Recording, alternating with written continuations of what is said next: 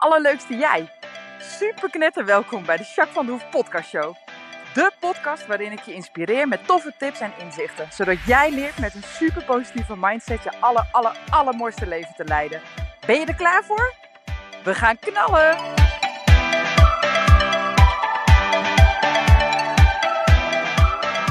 Hey, hey, hey, alle allerleukste jij. Super mega welkom bij deze nieuwe podcast. Podcast 104. Hartstikke idee. Hey, vorige week heb ik natuurlijk heb ik met Anja natuurlijk een podcast opgenomen. Nou, ik heb echt zulke leuke reacties gehad en Anja ook. Dus dat is echt super leuk. Moest zo lachen, want uh, ik heb natuurlijk met Anja al een keer eerder een podcast opgenomen. Zo al een hele tijd geleden. En toen uh, nou ja, vond ze het ook echt rete spannend van tevoren. En uh, ja, stel nou dat mensen dat echt gaan luisteren. Ja, dat is de bedoeling in mijn beleving. Maar zij vond het doodeng. Dus dat was echt heel grappig. En als je kijkt hoe ver ze nu is. Hè, en ook met haar eigen bedrijf. Maar ook haar persoonlijke ontwikkeling. En nu nou ja, je kan het niet zien door de podcast heen natuurlijk. Maar ze was echt een partij aan shinen, jongen. Echt helemaal, nou ja, blij en helemaal hoog in de energie. En helemaal, ja, enthousiast. En het was echt zo leuk om te zien. Zo'n ander beeld met ten opzichte van, nou ja, half jaar of een jaar geleden. Wanneer we die eerste podcast met, met elkaar hebben opgenomen. Zo tof om te zien. Ja, dus uh, nou ja, dat is echt heel leuk dat ik zulke mooie reacties kreeg. En Anja ook. Dus dat is echt uh, super tof. hey, en uh, ik ben benieuwd hoe het met je gaat.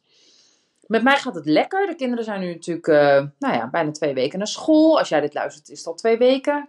En uh, ja, begint een beetje ritme te krijgen. Floyd die had uh, nou, de eerste, het laatste weekend van de vakantie kreeg hij acute blinde darmopsteking. Op vrijdagavond kwamen we erachter. Althans, hij liep een beetje zo voorovergebogen. En ik zeg tegen hem, want ik heb, nou ja, hij had buikpijn. Maar ik dacht een beetje buikvirusje of zo, whatever. Maar goed, ik heb zelf een keer een uh, blinddarmensteen gehad. En die werd toen ook nog dezelfde nacht uitgevist. Dus, uh, en toen wist ik ook nog dat ik heel erg voorover liep. Dat ik echt heel veel buikpijn had. Helemaal onderin rechts. Dus ik zeg tegen hem, toen hij zo naar... Hij, liep, hij stond op van de bank. Hij liep naar het toilet. En hij liep zo voorover. Dus ik kijk hem aan. Ik zeg, waar heb jij pijn, vriend? Wijs eens aan. Hij laat het zien, rechts onderin. Ik zeg, ik weet genoeg. Ik zeg, ja, maar lekker wat eten. Want ik denk dat als we zo naar het ziekenhuis gaan, dat jij nuchter moet blijven. Dus hij, nee natuurlijk niet. Ja jongen, jij hebt een acute blinde darm, ik weet het wel zeker. Nou ja, lang verhaal kort, vrijdagavond ziekenhuis geweest. Ja hoor, acute blinde darm. Mocht hij nog wel een nachtje thuis slapen. S'nachts opereren ze in principe niet. Uh, tenminste, als het niet op knappen staat, zeg maar. Dus zaterdagochtend 8 uur moesten we ons melden. En uh, zaterdagmiddag is hij geopereerd. Zondagmiddag mochten we weer naar huis. Dus, uh, nou ja, en dan is het uh, opknappen, zeg maar. Dus uh, hij is een weekje langer thuis gebleven, maar nu gaat het echt hartstikke goed met hem. Hij is de hele week alweer gewoon naar school geweest en gaat prima met hem. Dus dat is wel heel fijn. Maar goed, dus dat liep allemaal een beetje anders. Maar inmiddels is dus iedereen weer naar school. Kleine meid was natuurlijk al naar school, de jongens nu ook allebei. Dus ja, en ik hoor het ook in mijn praktijk dat iedereen eigenlijk weer een beetje, ja, de nazomerse. Er zijn enkeling die nu nog op vakantie gaan of vakantie zijn. Maar de meeste zijn toch al wel weer echt een beetje aan de slag en uh, nou ja, aan het nazomeren, zeg maar. Het weer ook, hè. het is niet meer extreem warm. Misschien gaat het nog wel even komen, I don't know. September kan nog van alles doen natuurlijk. Maar uh, ja, je merkt toch, uh, de avonden zijn natuurlijk minder lang uh, licht en zo. Dus daaraan merk je echt wel dat het ja, een beetje aan het veranderen is, zeg maar. Hè? Dat de zomer echt een beetje op zijn eind loopt, zeg maar. Wat ook weer prima is. Ik vind de herfst ook altijd wel weer een mooie tijd. En de winter ook weer gezellig. En nou ja, voor je het weet, dan is het weer voorjaar en twee keer knipperen en is weer zomer. Hè? Toch, zo snel gaat het toch? Nou ja, in ieder geval uh, ben ik benieuwd hoe het met jou gaat. En uh, daarvoor wil ik even echt inzoomen. Je mag weer eventjes uh, staan, zitten, liggen, maakt me niet uit. Maar in ieder geval even bewust van het moment. En misschien vind je het fijn om je ogen te sluiten, zeker niet verplicht. En check dan maar eens in bij jezelf. Alsof je een beetje naar binnen gaat. En voel je hoofd. En je oren en je ogen en je kaken. En je nek. Je schouders en je rug. Je borst, je buik. Je billen. Je armen, je handen. Je bovenbenen, knieën, onderbenen, voeten. Hoe voelt dat? Ik voel dat ik een beetje spanning bij mijn schouders heb en ook bovenin mijn rug. En dat gebeurt me heel weinig, want ik ben bijna altijd me daar wel op tijd bewust van. Maar nu heb ik echt een beetje spanning in mijn lijf. En dat komt niet zozeer van de podcast uh, opnemen. Maar ik heb net een heel intens gesprek met iemand gehad. En het was ook best een pittig gesprek, waar behoorlijk uh, over en weer uh, nou ja, dingen uitgesproken werden. Was niet een klant of zo hoor, het was in mijn privésfeer. En dat was goed. Het was wel echt heel goed. Maar ik merk wel dat ik onbewust toch wat spanning heb opgebouwd. Daar was ik me even niet zo bewust van. Dat is gek hè? Maar is oké. Ja.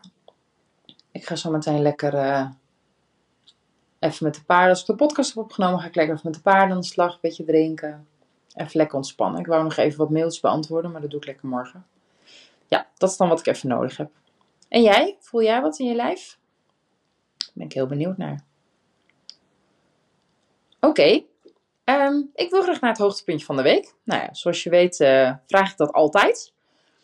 Het maakt mij niet zoveel uit wat voor soort hoogtepuntje het is, maar ik wil jou vooral je bewust worden van nou ja, dat voor mooie hoogtepunten je eigenlijk in zo'n week hebt. En of ze dan klein of groot zijn, dat maakt me dan niet zo heel veel uit. Maar ben je dus bewust van, dat is echt zo fijn. Um, mijn hoogtepuntje is, nou misschien niet super origineel, maar dan denk ik toch aan de workshops Mindfood die ik met Anja samen doe. Want uh, vorige week is natuurlijk online gekomen. Nou, op het moment dat hij online ging, waren we al op de eerste, de 8, augustus, of 8 september, al bijna vol. Hadden volgens mij nog drie of vier plekjes. Volgens mij drie plekjes, denk ik. En de dertigste, de tweede, het alternatief, zeg maar, de tweede workshop.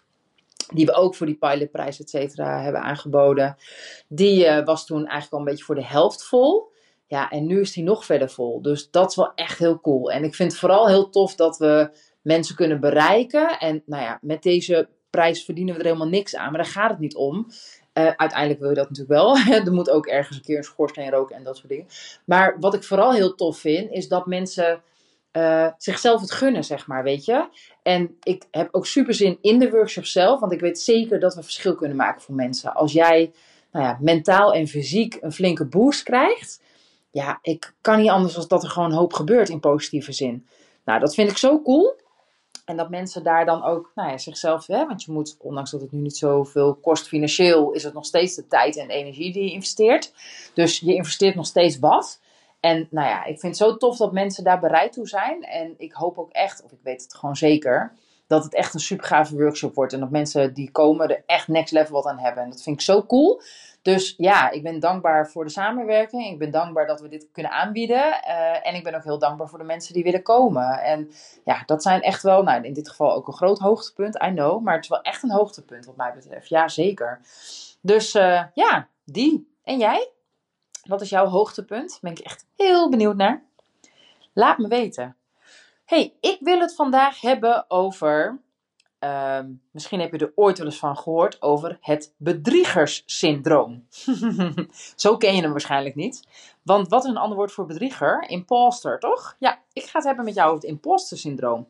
Wat het nou eigenlijk is, hoe het uh, nou ja, ontstaan is, zeg maar. Wat het dan echt daadwerkelijk inhoudt. En ik geef je natuurlijk een paar tips hoe je daarmee om kan gaan. Want ik hoor het best vaak. Dat mensen, misschien herken je het wel, dat je toch het soort van het gevoel hebt dat je door de mand zou vallen of zo. En dan met name via op je werk of via een studie, hè, als je met studie bezig bent. Of dat je het eigenlijk helemaal niet kan en dat je nou, een een of andere functie hebt gekregen. En dat je eigenlijk denkt, oh helemaal te gek. Maar dat je ook super spannend ervan bent dat je het wel... Misschien dat je het helemaal niet capabel er genoeg voor bent. Dat je het helemaal niet kan. Dat je door de mand gaat vallen. Bang dat je het niet goed genoeg doet dat collega's denken: oh my god, dat valt even tegen. Ik dacht dat die wat kon. Uh, dat je het helemaal niet doet zoals je het uh, zou moeten doen. Nou, en dan gaat het vooral heel vaak, wat ik net al zei, op het werk. Als je een nieuwe functie bijvoorbeeld hebt, of helemaal een nieuwe werkplek, maar ook studie. Dan komt het imposter syndroom echt super vaak voor. Nou, wat is het imposter syndroom? Nou, in 1970 is dat ontdekt door twee psychologen. Toen werd het nog een bedriegerssyndroom genoemd. Vandaar dat ik dat uh, tegen je zei. Nou, ondanks dat je diploma bijvoorbeeld hebt gehaald en alle kwalificaties uh, hebt, hè, van een bepaalde functie of een bepaalde opdracht. En dus eigenlijk op papier zou je meer dan capabel moeten zijn om die opdracht of die functie gewoon uit te kunnen oefenen. Maar ondanks dat vind je jezelf niet goed genoeg en ben je echt als de dood dat je het allemaal niet kan. Dat doe je jezelf aan ik snap dat iets spannend kan zijn. Hè? Dat als jij iets nieuws gaat doen, uh, dat het eerst altijd nog maar even afwachten is of je echt daadwerkelijk er wel goed genoeg in bent. En je kent natuurlijk ook de eisen nog niet helemaal van je omgeving of van je werkgever of opdrachtgever. Dat kan allemaal wel waar zijn. Dus een beetje spannend, helemaal prima. Maar er zit natuurlijk wel verschil tussen spannend en tussen echt denken dat je zometeen echt totaal door de mand valt. En dat zometeen iedereen erachter komt wat voor een klungel, prutser, nietsnut jij bent in jouw beleving. Daar zit natuurlijk wel een mega verschil in, zeg maar. Hè? Nou, in ieder geval is dat uh, heel vaak wat mensen met het imposter syndroom ervaren. Dus gewoon zo bang zijn dat ondanks al die kwalificaties en ondanks al die diploma's en alles wat je, nou ja, wat je wel kan en wat je dus ook bewezen kan, zeg maar, toch zo bang zijn dat je het, niet, dat je het gewoon niet kan. Nou, je doet het dus inderdaad vooral zelf. Hè? Um, uh, bijvoorbeeld uh, compliment of zo geeft, dat helpt dan allemaal niet. Hè? Dus als jij zegt van, oh, ik ben zo bang dat ik het niet goed doe. En jouw collega zegt, joh, maar je hebt toch dat en dat ook goed gedaan, dus dat komt heus wel goed. Of joh, ik denk dat je het heus wel kan. Of, uh, nou, dat is hartstikke lief. En op dat moment voel je, je misschien ook wel iets beter. Maar het is vaak niet voldoende. Hè? Je bent gewoon nou, nog steeds na die paar minuten dat je nou ja, erover na hebt gedacht, zeg maar, ben je nog steeds bang dat je het niet goed doet of dat je het niet kan. Dus eigenlijk nou ja, is heel aardig zo'n complimentje, maar het is gewoon niet voldoende. En dat komt omdat het heel erg uit jouzelf komt, zeg maar. Het is echt een intern probleem. Uh, wat ik daarmee bedoel is uh, dat jij het jezelf zo moeilijk maakt. Dat jij denkt dat je het niet kan. Dat jij denkt dat je door de mand valt. Nou, waar zie je dat vaak? Hè? Nou, het meeste met werk, wat ik net al zei. Andere functie, andere baan, et cetera, andere organisatie. Uh, maar ook school komt het heel veel voor. Maar ook bijvoorbeeld met sporten. Want het is namelijk heel erg prestatiegericht. Nou ja, en prestatiegericht is onze hele maatschappij sowieso natuurlijk al veel meer geworden. Hè? Vroeger was je, uh, ja, je kwam uit een goed gezin, hè? bijvoorbeeld uh, van adel, of je was van, uh, nou ja, van die, nou ik ben van Jan van de Groenteboer, zeg maar. nou ja, degene die die groenteboer goed vinden, dan ben ik sowieso fantastisch.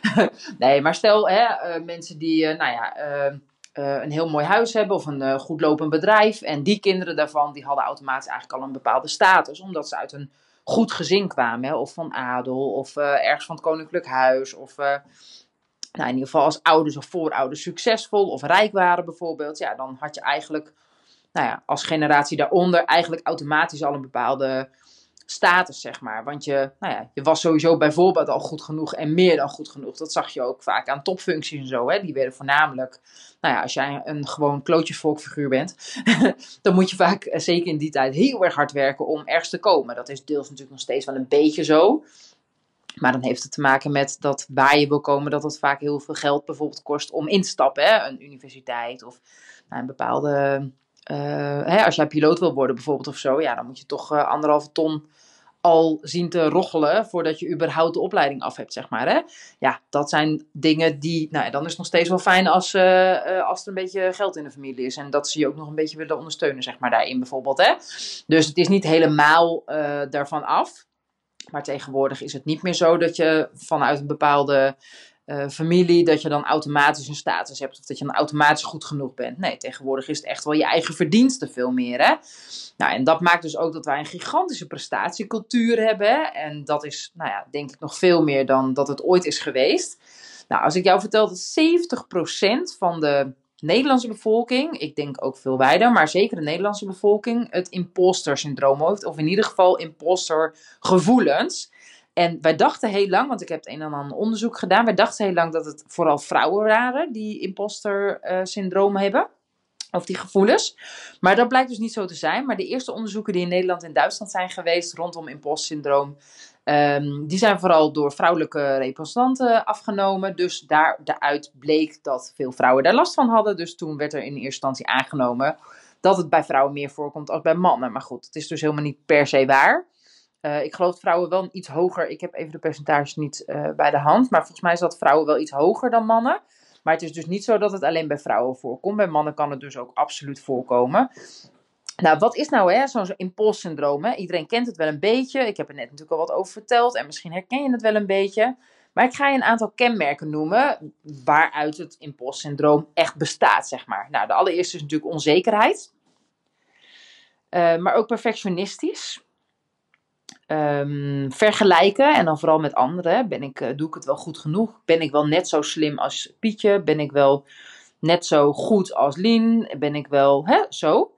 Nou, externaliseren, dus die ander nodig hebben dat uh, mensen jou uh, bevestigen, dat mensen zeggen hoe je het moet doen, of dat je het wel goed doet, of jou belonen door dat echt te benoemen, zeg maar. Want zelf kan je het eigenlijk niet goed, dus intern kan je het eigenlijk niet goed organiseren voor jezelf. Dus je kan niet zo goed tegen jezelf zeggen, joh, je hebt het hartstikke goed gedaan, of kom op, ik heb het nog nooit gedaan, dus ik denk dat ik het wel kan, zo'n Pippi Lankhuis opmerking. Dat vind je als imposter super lastig. Dus extern iets beter. Uh, ook extern naar buiten gericht ook heel erg. Hè? Van als die ander maar niet denkt dat ik dit niet kan. Of als die ander maar niet ziet dat ik dit helemaal niet handig doe bijvoorbeeld. Dat soort dingen. Dus extern is heel erg belangrijk. Nou, angst natuurlijk hè, is een hele grote. Prestatiegericht hadden we het net al over. Maar prestatiegericht is een super grote. Faalangst is nog iets specifieker. Faalangst, absoluut. Uitstelgedrag. Ja, ja, een imposter, iemand met het imposter-syndroom of impostergevoelens. Je hoeft niet per definitie het syndroom te hebben, zoals we dat noemen. Overigens wordt bijna nooit gediagnosticeerd hoor. Komt het juist uit het aanvinken van die kenmerken. Maar wel heel erg vaak uitstelgedrag.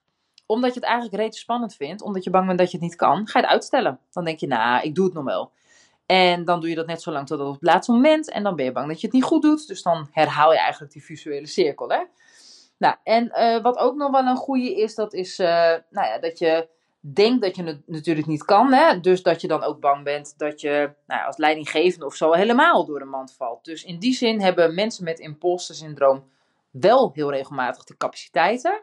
Maar zullen zij niet zo snel voor een ambitieuze uh, functie gaan, zoals een leidinggevende functie bijvoorbeeld. Omdat je dan nog meer ja, geconfronteerd wordt met nou ja, de angst dat je iets niet goed doet of iets niet kan. Hè? Nou, uit onderzoek blijkt dus dat eigenlijk de onderliggende factor, zeg maar, de, hè, die kenmerken die ik je net heb opgenoemd, ja, dat zijn allemaal kenmerken waar dat impostsyndroom echt op gestut is. Maar wat eigenlijk constant terugkerend is, wat eigenlijk daaronder zit, zeg maar, als kenmerk, dat is dat de schaamte gewoon heel hoog zit. Dus dat je een heel hoog schaamtegevoel hebt. Nou ja, wat dan heel vaak blijkt is dat je, nou ja, hè, als je je doodschaamt en dat je heel bang bent dat je iets niet goed doet en je daarvoor schaamt, ja, dan kun je dat aan de buitenkant niet altijd zien. En lijkt iemand gewoon helemaal dikke prima te zijn met de functie of met zichzelf. Of, terwijl dat echt niet altijd zo is. Nou, schaamte is sowieso, nou ja, daar hebben we het vaker over gehad. En daar zal ik het vast ook nog wel eens vaker over hebben. Want dat is natuurlijk een, uh, een grote en komt heel veel voor. Maar uh, nou ja, in relatie met die imposter syndroom, zeg maar is de schaamte eigenlijk altijd hoog. Nou, wat is dan eigenlijk een oplossing? Ja, of eigenlijk tips daarin. Een oplossing is om het te omarmen. Want hoe harder je er tegen vecht, des te moeilijker het wordt. Dus als jij constant, nou ja, het gaat ontwijken, hè, bijvoorbeeld hè, dat uitstellen of geen ambitie hebben. Als je constant uh, reageert op je angst, nou, dan wordt het alleen maar erger. Je krijgt alleen maar slechter. Dan krijg je misschien ook je prestaties uiteindelijk minder goed voor elkaar. Nou ja, dat is helemaal vervelend, want dat voedt dan natuurlijk die imposter gevoelens. Want als jij hartstikke bang bent dat het niet lukt en je stelt het uit en op het laatste moment nou ja, lukt het ook inderdaad daadwerkelijk niet zo goed, dan heb je jezelf eigenlijk een beetje gevoed, hè? Want dan zeg je tegen jezelf, zie je wel, je kan het niet. Imposter. Nou ja, dat is dus wat er dan gebeurt. Dus daarom is het heel belangrijk dat als je het omarmt, dat je denkt, ja, hé, hey, het is super vervelend en ik voel mezelf echt een sukkeltje. Nou ja, dan is dat maar zo, maar ik ga wel mijn best doen om er wat van te maken. En misschien wel juist benoemen. Dat is misschien super spannend en hartstikke kwetsbaar. Vind ik zelf ook een lastig, moet ik heel eerlijk zeggen hoor. Maar gewoon zeggen van joh, weet je, ik vind rood reeds spannend. Of uh, ik heb het eigenlijk nog uh, niet zo heel vaak gedaan. Wil je even een beetje meekijken? Dat is natuurlijk ook wel extern, maar dan leidt het ergens naartoe, zeg maar. Hè? Dus uh, dat is opbouwend. Nou, dat kan helpen om nou ja, de lading een beetje vanaf te halen. Want dan hoeft het niet meer zo perfect. Dan doe je gewoon je best, want dat blijft natuurlijk overeind. Maar die nou, perfectionistisch en uh, dat prestatiegericht en die faalangst en nou, misschien wel een stukje dat vergelijken en überhaupt de angst, ja, die wordt dan gewoon wat meer op de achtergrond gedragen. Gewoon puur omdat je toegeeft aan jezelf. Dat je het gewoon reeds spannend vindt, of misschien wel aan je omgeving zelfs. En dat je het moeilijk vindt, dat is helemaal oké. Nou, hoe doe je dat dan, hè, dat omarmen? Nou, sowieso zelfonderzoek. Wat maakt nou dat, dat het zo spannend is, of wat maakt nou dat je denkt dat je iets niet kan? Dat is een hele belangrijke. Doe eens echt zelfonderzoek. En dan niet alleen maar een beetje oppervlakkig, maar ga er ook eens de diepte in. Stel jezelf veel waarom vragen bijvoorbeeld. Hè? Waarom vind ik dat dan zo lastig? Of waarom denk ik dit dan? Of wat kan er dan gebeuren? Wat is nou het ergste wat er kan gebeuren? Waarom vind ik dat zo erg? Snap je? Dit soort vragen aan jezelf stellen. Dat helpt je gewoon enorm, enorm, enorm om nou, nog veel meer te snappen waarom je dat impostergevoel ervaart en wat je daar mogelijk aan kan doen. Of er gewoon oké mee kan zijn. Nou, praat erover, dat kan helpen als je het met iemand deelt. Sommige mensen herkennen het en die zullen dan misschien ook wel zeggen: Oh ja, jeetje, ik, heb, ik weet helemaal precies wat je bedoelt. Ik ervaar dat ook zo. Weet je hoe ik dat altijd doe? Of misschien wel gewoon fijn dat iemand naar je luistert. Dat kan ook al voldoende zijn. Dus praat erover, dan krop je het ook niet zo op. Hè? Dan is het niet meer zo'n vervelend geheimpje, zeg maar. Nou, uh, wat ook heel goed kan helpen is vanuit een derde kijken, zeg maar. Hè? Dus jezelf en je nou, functie of je opdracht of je taak waar je ook mee bezig bent. En dan niet daarin blijven zitten, maar eigenlijk zeg maar een soort van op een beeldscherm neerzetten. En zelf uit op beeldscherm stappen en kijken naar het beeldscherm. Wat gebeurt er nou precies? En is zij echt incapabel? En is die opdracht echt te moeilijk voor haar? Wat houdt die opdracht dan precies in? Dat soort vragen. Ga eens kijken wat er gebeurt als je uit de situatie stapt. Dus eigenlijk zeg maar de emotie en de, uh, het persoonlijke eruit haalt, zeg maar. Kijk eens wat er dan overblijft. Dan kun je het vaak veel beter zien. Nou, experimenteren, hè, dus ook al vind je het spannend, ook al denk je dat je het niet goed kan, ga toch eens doen. Dat kan in alles, hè. dat kan dus heel erg gerelateerd zijn aan je werk of aan je studie of aan je sporten bijvoorbeeld, hè, waar, waar dat impost-syndroom met name over gaat. Maar dat kan ook in iets heel anders zijn, in het contact met iemand. Of weet je, ga eens kijken wat er gebeurt als je een beetje experimenteert. En ga eens kijken wat er gebeurt als je kleine dingetjes al wel doet. Die je normaal vanwege dat perfectionisme, of vanwege de angst, of vanwege de onzekerheid, of vanwege die, die het uitstellen nooit zou doen. Ga eens kijken wat er gebeurt wanneer je dat wel doet. Dus klein en groot. Experimenteren kan je een hoop van leren. Nou, dat rijmt, maar het is echt zo. En verder wat heerlijk is, eh, bekijk het dus gewoon een beetje met humor. Want humor doet het gewoon eigenlijk altijd goed. Dat is super fijn, want je ontspant door humor. Dus dat is heel erg fijn. En um, nou ja, als je met humor naar jezelf kijkt en naar de situatie kijkt, wordt het allemaal toch een beetje lichter, makkelijker te dragen. Dat is gewoon heel erg fijn. Dus doe dat gewoon lekker, oké? Nou, en als laatste, wees gewoon hartstikke trots op jezelf. Want ondanks dat je het super spannend vindt en ondanks dat je denkt dat je het allemaal niet kan, mag je gewoon rete trots zijn dat je het überhaupt aangaat, dat je überhaupt hiermee bezig bent. En je bent toch gewoon een prachtig mens. Dus daar mag je ook trots op zijn. Oké? Nou, ik ga eventjes uh, mijn uh, ontspanning opzoeken. En uh, ik merk al dat mijn schouders wat meer zakken. Want nu ben ik wat meer gewoon lekker met jou bezig en met de podcast. Dus dat doet me al goed, merk ik. En nou ja, goed, het was ook niet extreem veel spanning. Maar het is goed om te nou, merken dat het er een beetje zit en dat ik daar wat mee mag. Dus ik ga lekker afronden voor vandaag. Het is ook s'avonds al een beetje later, dus dat is helemaal prima. Lekker even een paardje doen, lekker even douchen. Even lekker mijn ding doen. Ja, heerlijk. Hey, ik wil jou bedanken voor je luisteren. Ik hoop dat je wat kan met de tips die ik heb gegeven. Ik ben benieuwd of je dingen herkent. Als je ergens iets over wilt delen rondom het imposter syndroom of de gevoelens of uh, je hebt een tip uitgeprobeerd, laat het alsjeblieft weten. Vind ik super leuk, dus doe dat alsjeblieft. En uh, nou ja, heb je iemand in je omgeving waarvan je denkt, nou ja, die moet echt deze podcast even horen, deel hem dan alsjeblieft. Dat kost uh, helemaal niks. En misschien kan je iemand anders weer blij mee maken met deze informatie. Dus doe dat lekker, oké? Hey, ik wil je onwijs bedanken voor je tijd, voor je energie, voor het luisteren. En uh, ik spreek je volgende week. Doei!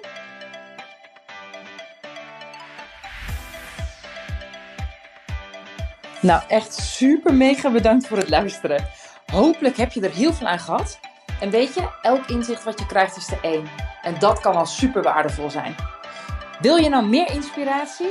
Of wil je door mij gecoacht worden om jouw issues om te draaien tot een kracht en zo je echt de aller, allermooiste leven te gaan leiden?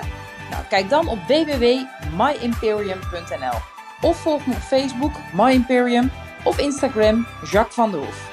Nou, en tot slot, deel alsjeblieft deze podcast met alle mensen waarvan jij denkt, oh, misschien is dit waardevol voor die persoon. Want zo help je mij onwijs mijn bereik te vergroten. En help je al deze mensen om extra inzichten en inspiratie te krijgen waar ze hopelijk heel erg veel aan hebben. Dus alsjeblieft, alsjeblieft, doe dat. En tot de volgende podcast. Doei doei!